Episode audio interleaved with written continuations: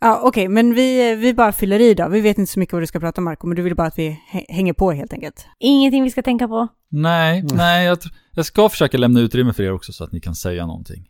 Ja, vi följer, vi följer bara, vi följer med helt enkelt. Det blir bra. Ja. Ska vi börja? Ljudtekniken? Ja. Tumme upp.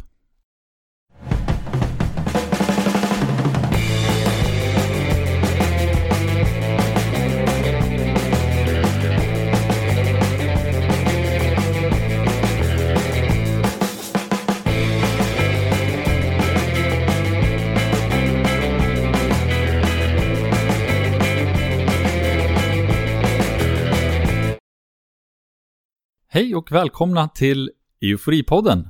Hej Marco! Hej Hej. Marco Hej! Vilka sitter här då? Caroline? Helena? Och Björn. Och jag själv heter Marco. Jaha, nu tänkte inte jag lämna över ordet till er. Jag tänkte behålla ordet. Får jag göra det? Det gör du rätt i.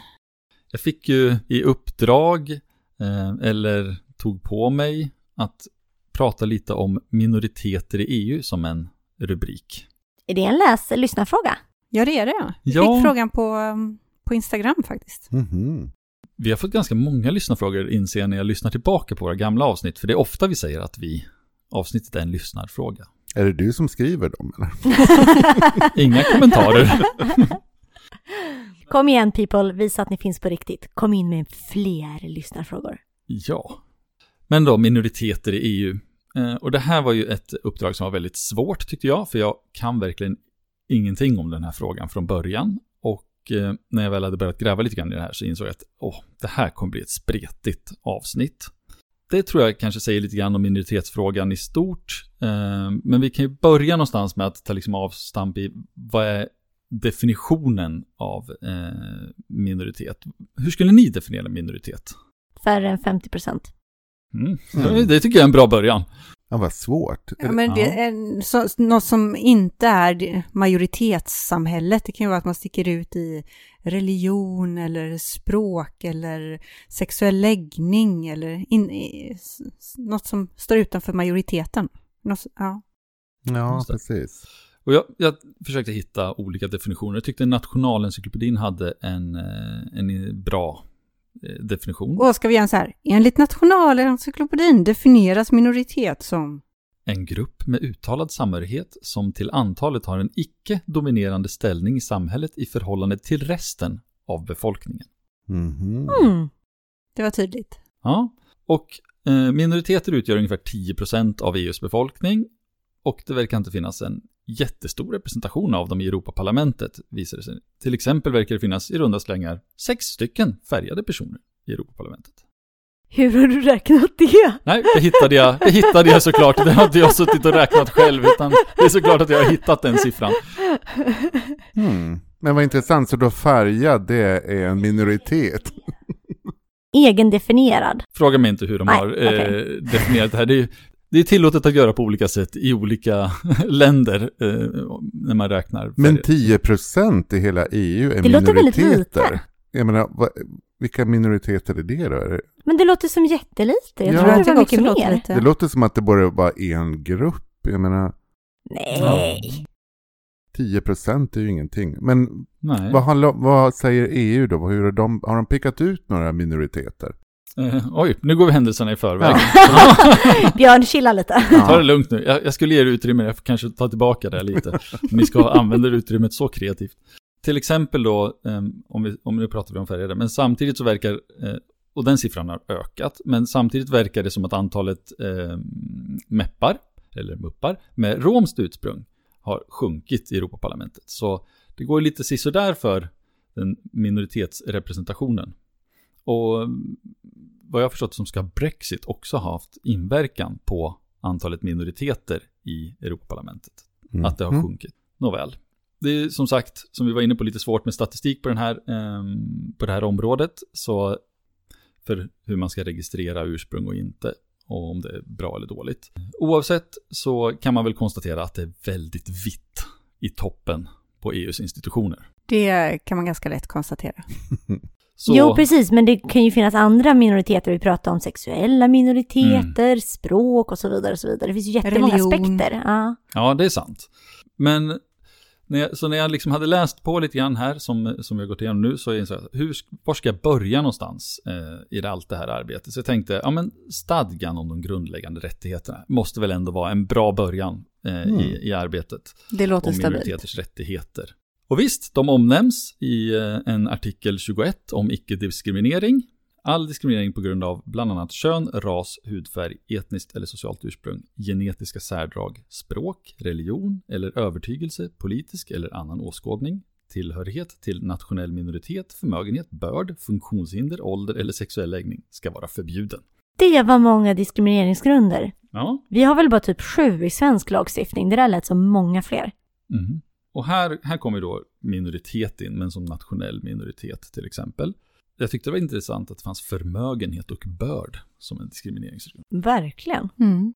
Det är väl det som inte är aktuellt i Sverige, för jag har svårt att tänka mig att man skulle kunna få någon fördel av sin börd. Eller man, ja, i och för sig. Nej, det finns ju inte med som en diskrimineringsgrund i svensk Nej. lagstiftning, gör det ju inte. Så eh, den här artikeln i de grundläggande rättigheterna, den är stadgan, den är den enda som uttryckligen nämner minoriteter. Och sen omfattas de ju såklart av rättigheter som alla andra omfattas av rättigheter. Men det var, liksom- det var den enda som på ett tydligt sätt pekar ut. Och i övrigt så tyckte jag att om man läser stadgan så den här artikeln är ganska kortfattat skriven jämfört med andra rättigheter som finns på eh, arbetsområdet till exempel. Och sånt. Så fanns, eh, jag, jag blev lite besviken på EU, EU i, i, i det här läget. Men ibland är det ju bättre att säga mindre än att säga för mycket för att det kan bli, just det här också när man radar upp diskrimineringsgrunder och så att det finns risk att man utesluter någonting och att om man håller det kort och tydligt så kanske det omfattar mer. Ja, Jag, jag försöker bara tolka välvilligt här. ja nej, men absolut, det ligger ju någonting i det du säger. Att det kan liksom, att det är bredare, kanske träffar bredare om det är kortfattat. Och, men så gick jag in på kommissionens hemsida och tänkte jag läser lite grann här om stadgan, vad kan jag få för information? Och då läste jag att, ja men, de här grundläggande rättigheterna, de behöver bara medlemsstaternas myndigheter efterleva när de genomför EU-lag. Annars så ska man garanteras skydd från nationell grundlag. Intressant. Då kände, blev jag ännu mer besviken på EU. Ja, det förstår jag. Alltså, jaha, okej. Så då kände jag att nu säljer jag mig till Helena Skara, nu har jag blivit pessimist. Jag Fast alltså hallå, Europakonventionen då, den gäller ju fortfarande. ja, det är ju för sig sant. Tack. Blev du optimisten nu? Nej men vi måste ju ändå vara korrekta här Ja. alltså. Ja, men Helena, vad är skillnaden då på stadgan och Europakonventionen om de mänskliga rättigheterna? Ja men Europakonventionen om de mänskliga rättigheterna är ju inte en EU-stadga, det är inget EU-fördrag, utan det är Europarådets eh, fördrag som täcker mycket bredare än bara EU-länderna. Och den gäller ju i alla EU-länder men också en massa andra europeiska länder. Just det. Och på tal om fördrag, då var ju min nästa så här, ja men vad säger EU-fördraget då? Eller fördraget om EU? Eh, jo, att eh, unionen ska bygga på värdena för res eh, respekt för människans värdighet, frihet, demokrati, jämlikhet och så vidare. Och här finns också då inklusive rättigheter för personer som tillhör minoriteter. Ja, ja men nu. Och det finns eh, en liknande skrivelse i EUs funktionssätt. Eller förlåt, fördraget om EUs funktionssätt. Så då kände jag så här, men då, då blev jag lite mer positiv. Gud vad du pendlar, Marco. Ja, ja men jag, för jag känner att det är, så, det är så det har varit i den här frågan. För jag hade ganska stora förväntningar på, på EU i den här frågan. Och tyckte ändå att så här, när jag googlade fick jag väldigt lite information. Hade jag googlat fiskeripolitik så vet vi ju alla hur överöst av information jag hade fått. Men, men minoriteters rättigheter var väldigt sparsamt. Ja, så tänkte jag så här, men vad finns det för EU-rätt då som gäller just vid liksom icke-diskriminering? Ja, men då finns det, eh, eh, verkar det finnas i alla fall två direktiv som styr det här med diskriminering på, eh, på grund av liksom ras och etnisk ursprung, sen religion, tro, funktionshinder, ålder och sexuell läggning. Och nu ska jag pendla igen. Då kanske jag borde ha blivit glad över att det finns någon form av eh, lag på det här området. Men varför blev det direktiv och inte förordningar? Varför, varför tog man inte i ordentligt? Så ja, oavsett eh, hur läget ser ut med alla de här fina artiklarna, det, det är kanske lite svårt att säga. Eh, en grupp som man kanske kommer att tänka på i alla fall när man hör ordet minoritet och diskriminering, det är väl romerna, Mm. som är den största eh, minoriteten i EU. Som, de utgör faktiskt, eh, de är en grupp på 6 miljoner. Eh, Mm. och samtidigt också som de är stora så är de ju en av de mest utsatta. Och här fanns det lite mer information att få. Så om vi tittat lite grann på lagstiftningen så kunde man ändå hitta lite grann nu också om, om romerna vad gällde grupp. Det var svårare på de andra områdena eftersom det är lite mer känsligt eh, kanske att Dels finns det kanske inte så mycket information eh, framtaget men Vad menar du, varför skulle det vara mer känsligt om det är en annan minoritet? Nej, eh, okej, eh, förlåt, inte när det är kanske e etniskt, eh, men jag tänker, ja men homosexualitet eller eh, alltså sexuell läggning, att det skulle vara känsligt att registrera, finns, medan romerna tror jag gör ett ganska bra jobb i att, att föra fram sin, sin sak på ett sånt sätt och bidrar till att det ska finnas information om deras utsatthet. Fast hela hbtq-rörelsen är väl ganska stark. Det får man ju säga är en av de mest framgångsrika minoriteterna i att bli allmänt Mm. accepterade, eh, slippa diskriminering i arbetsliv och Mm. bostadsmarknad och så vidare. Ja, inte i alla länder, men Men över, om du jämför med liksom andra minoritetsgrupper så är det ju en framgångsrik minoritetsgrupp förhållandevis. Ja, men säkert som, som Marco säger att det finns mindre ja, registrerat helt enkelt. Nu i Sverige får man ju inte regis- registrerar man inte minoriteter alls på grund av etnisk ursprung eller sexuell läggning. Men jag tror att det ändå finns mer statistik om hur många romer det finns kanske än hur många homosexuella det finns. Ja, ja, det är klart. Så när man pratar om att romer är den största minoritetsgruppen, då pratar vi om etniska minoriteter, Mm. eller hur? Ja. Exakt. Nej men så, eh, så där, och där verkar det, när man då gräver lite grann så verkar det ändå finnas så att för den gruppen har EU gjort en del vad gäller liksom strategier och man har tagit fram sånt dokument och sånt. Så att där finns det, men på, på de andra områdena var det väldigt svårt att hitta någonting. Finns Alltså, det en judisk strategi? Hittade inget sånt, jag hittade Nej. faktiskt inga andra strategier. Och då tittade jag lite grann på, men hur mycket pengar har man lagt på den här frågan då? Ja, då fick man också liksom luta sig mot den romska gruppen som exempel. Och där la man under nu blir för, förra budgetperioden, eh, alltså den som löpte mellan 2007 och 2013. Där la man en, en mindre summa pengar och man, och man eh, bara inte, man gjorde så att säga inte jättestora insatser, så kan vi väl sammanfatta det. Medan man vid nästa budgetperiod gjorde lite större insatser för den romska gruppen. Och det verkar berott på att eh, stadgan om de grundläggande rättigheterna under den här tidsperioden fick eh, rättslig status. Men alltså man räknar inte muslimer till exempel som en minoritet i EU. För det, det måste ju vara fler, det finns ju fler än 6 miljoner muslimer i EU. Men det räknas inte alltså, för det är inte en etnisk grupp. Jättebra fråga. Ja, det är ingenting jag har kommit i kontakt med, vilket kanske säger lite grann om informationen kring För att om liksom vinkeln här är att vad gör EU för minoriteter? Att det handlar om antidiskriminering, att det liksom är det som är kappan. mm, Då är ju till exempel gruppen muslimer högaktuell. mm, absolut. Eller färgade personer som du nämnde tidigare. Det är ju sådana grupper som utsätts för omfattande diskriminering, även romer för den delen. Men det, det fångas inte in av EUs minoritetspolitik så att säga.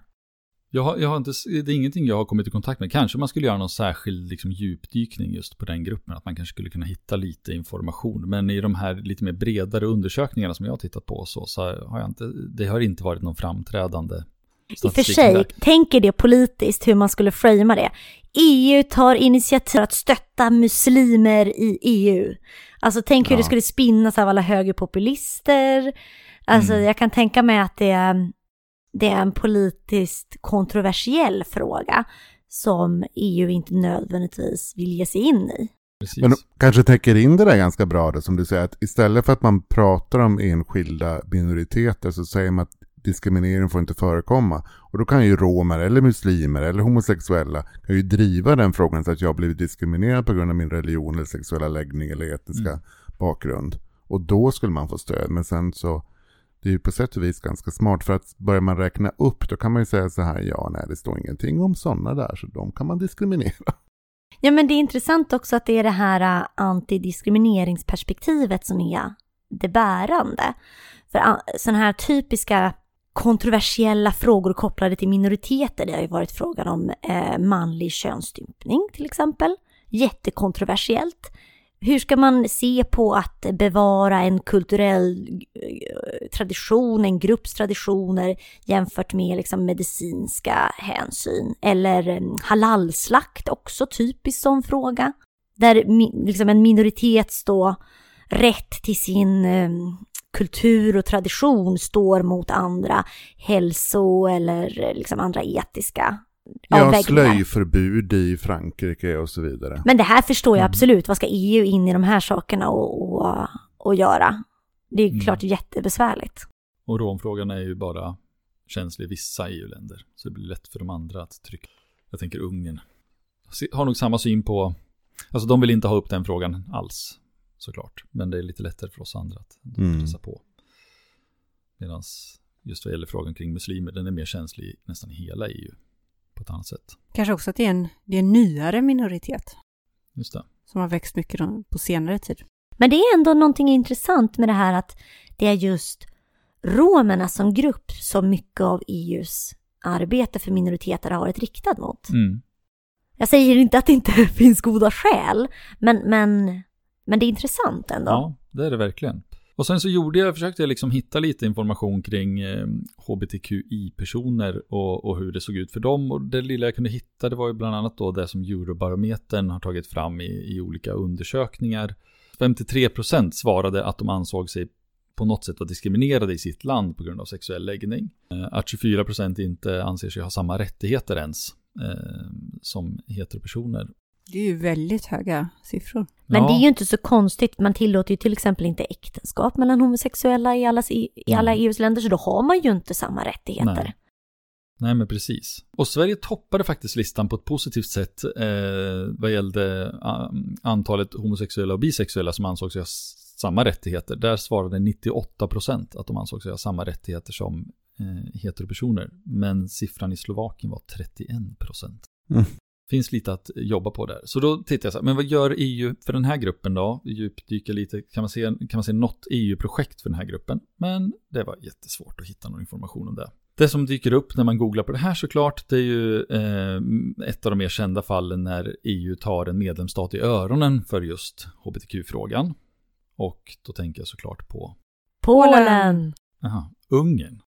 Ja, Men det här med Ja, ja, det var det hbtq-fria jag också, zoner exakt, i Polen. det var det jag tänkte Ja, på. Som de ju har backat såklart. på flera av de här städerna. För att de inte skulle få några pengar från EU. det är ju Ja. fruktansvärt det. Det är precis som under nazismen med judefria städer och... Ja, det, ja. Sjukt. Mm. Just det. Ja, då finns det ett till då. Vad tänkte du på Marco? Vad ville Jo. du säga? jo, jag tänkte på det här. And I want to confirm that from the Commission side, uh, I've sent a letter to the Minister of Justice of Hungary, as my colleague Thierry Breton, uh, to ask more information about the content of the, the new law, because it's a law with a real discrimination in our mind uh, against uh, uh, people with a specific uh, sexual orientation. And uh, it's in, unacceptable. It's con- in contradiction with the Charter of Fundamental Rights and also with some regulation at the EU level for internal market and distribution of books or all, uh, Uh, audiovisual services and so on. So, if it's needed, we'll take uh, other initiative later before the Court of Justice. But first of all, we have sent a letter yesterday and we asked to receive a reaction in seven days, so before the end of the month. Det är Didier Reinders som vi hör säga att kommissionen har eh, skickat ett brev till Viktor Orbán med anledning av den här medielagen eh, som de införde.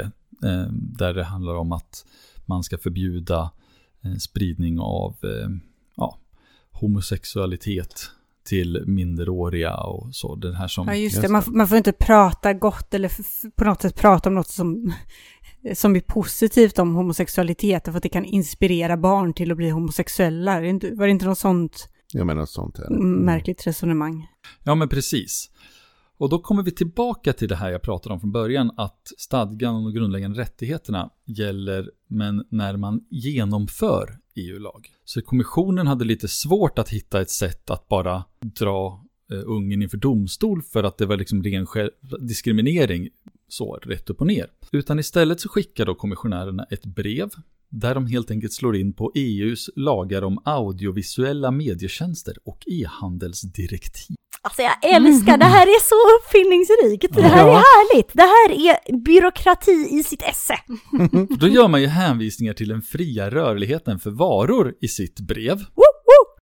Och försöker alltså på ett sånt sätt hitta att Orban bryter mot liksom existerande direktiv och sånt. Och tar med de grundläggande rättigheterna i dem. Snyggt Didier. Men om jag ska försöka liksom avrunda hela det här lite spretiga som jag till och med sa från början att det skulle bli. Det var eh, verkligen spretigt. Ja, Mm. så vet jag inte. Så här, kan man verkligen säga att EU gör tillräckligt? Eller eh, finns det utrymme för förbättringar? Är det så att man bara kastar lite pengar på problemet inom budget och säger något vackert och så blir det ingenting mer? Men har EU kompetens? Är det här ett område där EU har kompetens? Nej, jag skulle inte tro det. Vet du. Nej, inte mer än just i sådana här kreativa övningar där man... Så det kanske inte är så konstigt att det blir väldigt spretigt då. Nej. Nej, men det är väl hur, beroende på hur federalistisk man vill bli. Då måste man i så fall ge EU större kompetens. Men som det är nu då så får man ju gå via inre marknaden och hitta något sätt. Men genom sådana här olika strategier, som vi pratar om Roma-strategin och man har ju tagit strategi mot antisemitism och islamofobi och så till exempel, så finns det ju också, eh, tror jag i alla fall, pengar att söka och de kan ju också stötta eh, civilsamhället i olika medlemsstater som kanske jobbar med de här frågorna eller NGOer och sådär. Så att Just det, på det sättet så även om det inte alltid finns lagligt, att det kan göra så mycket rättsligt, så, så finns det liksom stöd i EUs värderingar på något sätt eh, för de som kämpar för de här frågorna i medlemsstaterna. Mm. Tycker jag ändå var positivt och bra på slutet eftersom jag har vacklat väldigt mycket fram och tillbaka. Men landar du positivt då, Marco, eller vad känner du? Är du för eller emot diskriminering? Jag känner Så- att det här... Inga kommentarer. Nej, jag, jag, jag känner att det finns ju, skulle kunna finnas mer att göra, men eh, som sagt, då behöver man kanske ta ett grepp kring vad EU får göra och inte då. Men absolut, det var väldigt spretigt tyckte jag och eh, rätt svårt att eh, liksom dyka ner och hitta någonting mm, liksom, konkret och sammanhållet. Men det finns absolut uppslag för att titta närmare kanske på vissa grupper och så. Men, men jag tycker att det är också intressant, för vi pratar ju om det till exempel att eh, äktenskap mellan två personer av samma kön är inte tillåtet i alla EU-medlemsländer. Men samtidigt så finns det något annat som heter ömsesidigt erkännande av dokument och så, som att om två män har gift sig i Sverige så ska, de ha, så ska det äktenskapet erkännas även i en medlemsstat där det inte är tillåtet till exempel. Så på det sättet så kan man ju också sprida, sprida det och kanske liksom, det, jag, jag tänker att det kan smitta av sig på andra medlemsstater, att det liksom blir vanligare och mindre skrämmande och att man liksom går åt, vad jag, enligt, från mitt perspektiv då, är rätt håll. Just det. Andra skulle ju hävda att det är åt fel håll, kanske Orban då till exempel, men det får stå för honom. Ja, det var Ska minoritetsfrågan eller icke-diskrimineringsfrågan, hur man nu vill kalla den. Stort tack för det, Marco. Man lär sig alltid något. Ja, här. Hoppas ni också gör det. ja definitivt i den här frågan. Bara att få gr- gräva lite. Och om man nu hade uppslag, Ja, då var det på Instagram i Euforipodden eller på Facebook EU-foripodden. härligt. Hörs vi igen i nästa avsnitt. Det gör vi. Ha det bra. Hej så länge! Hej då!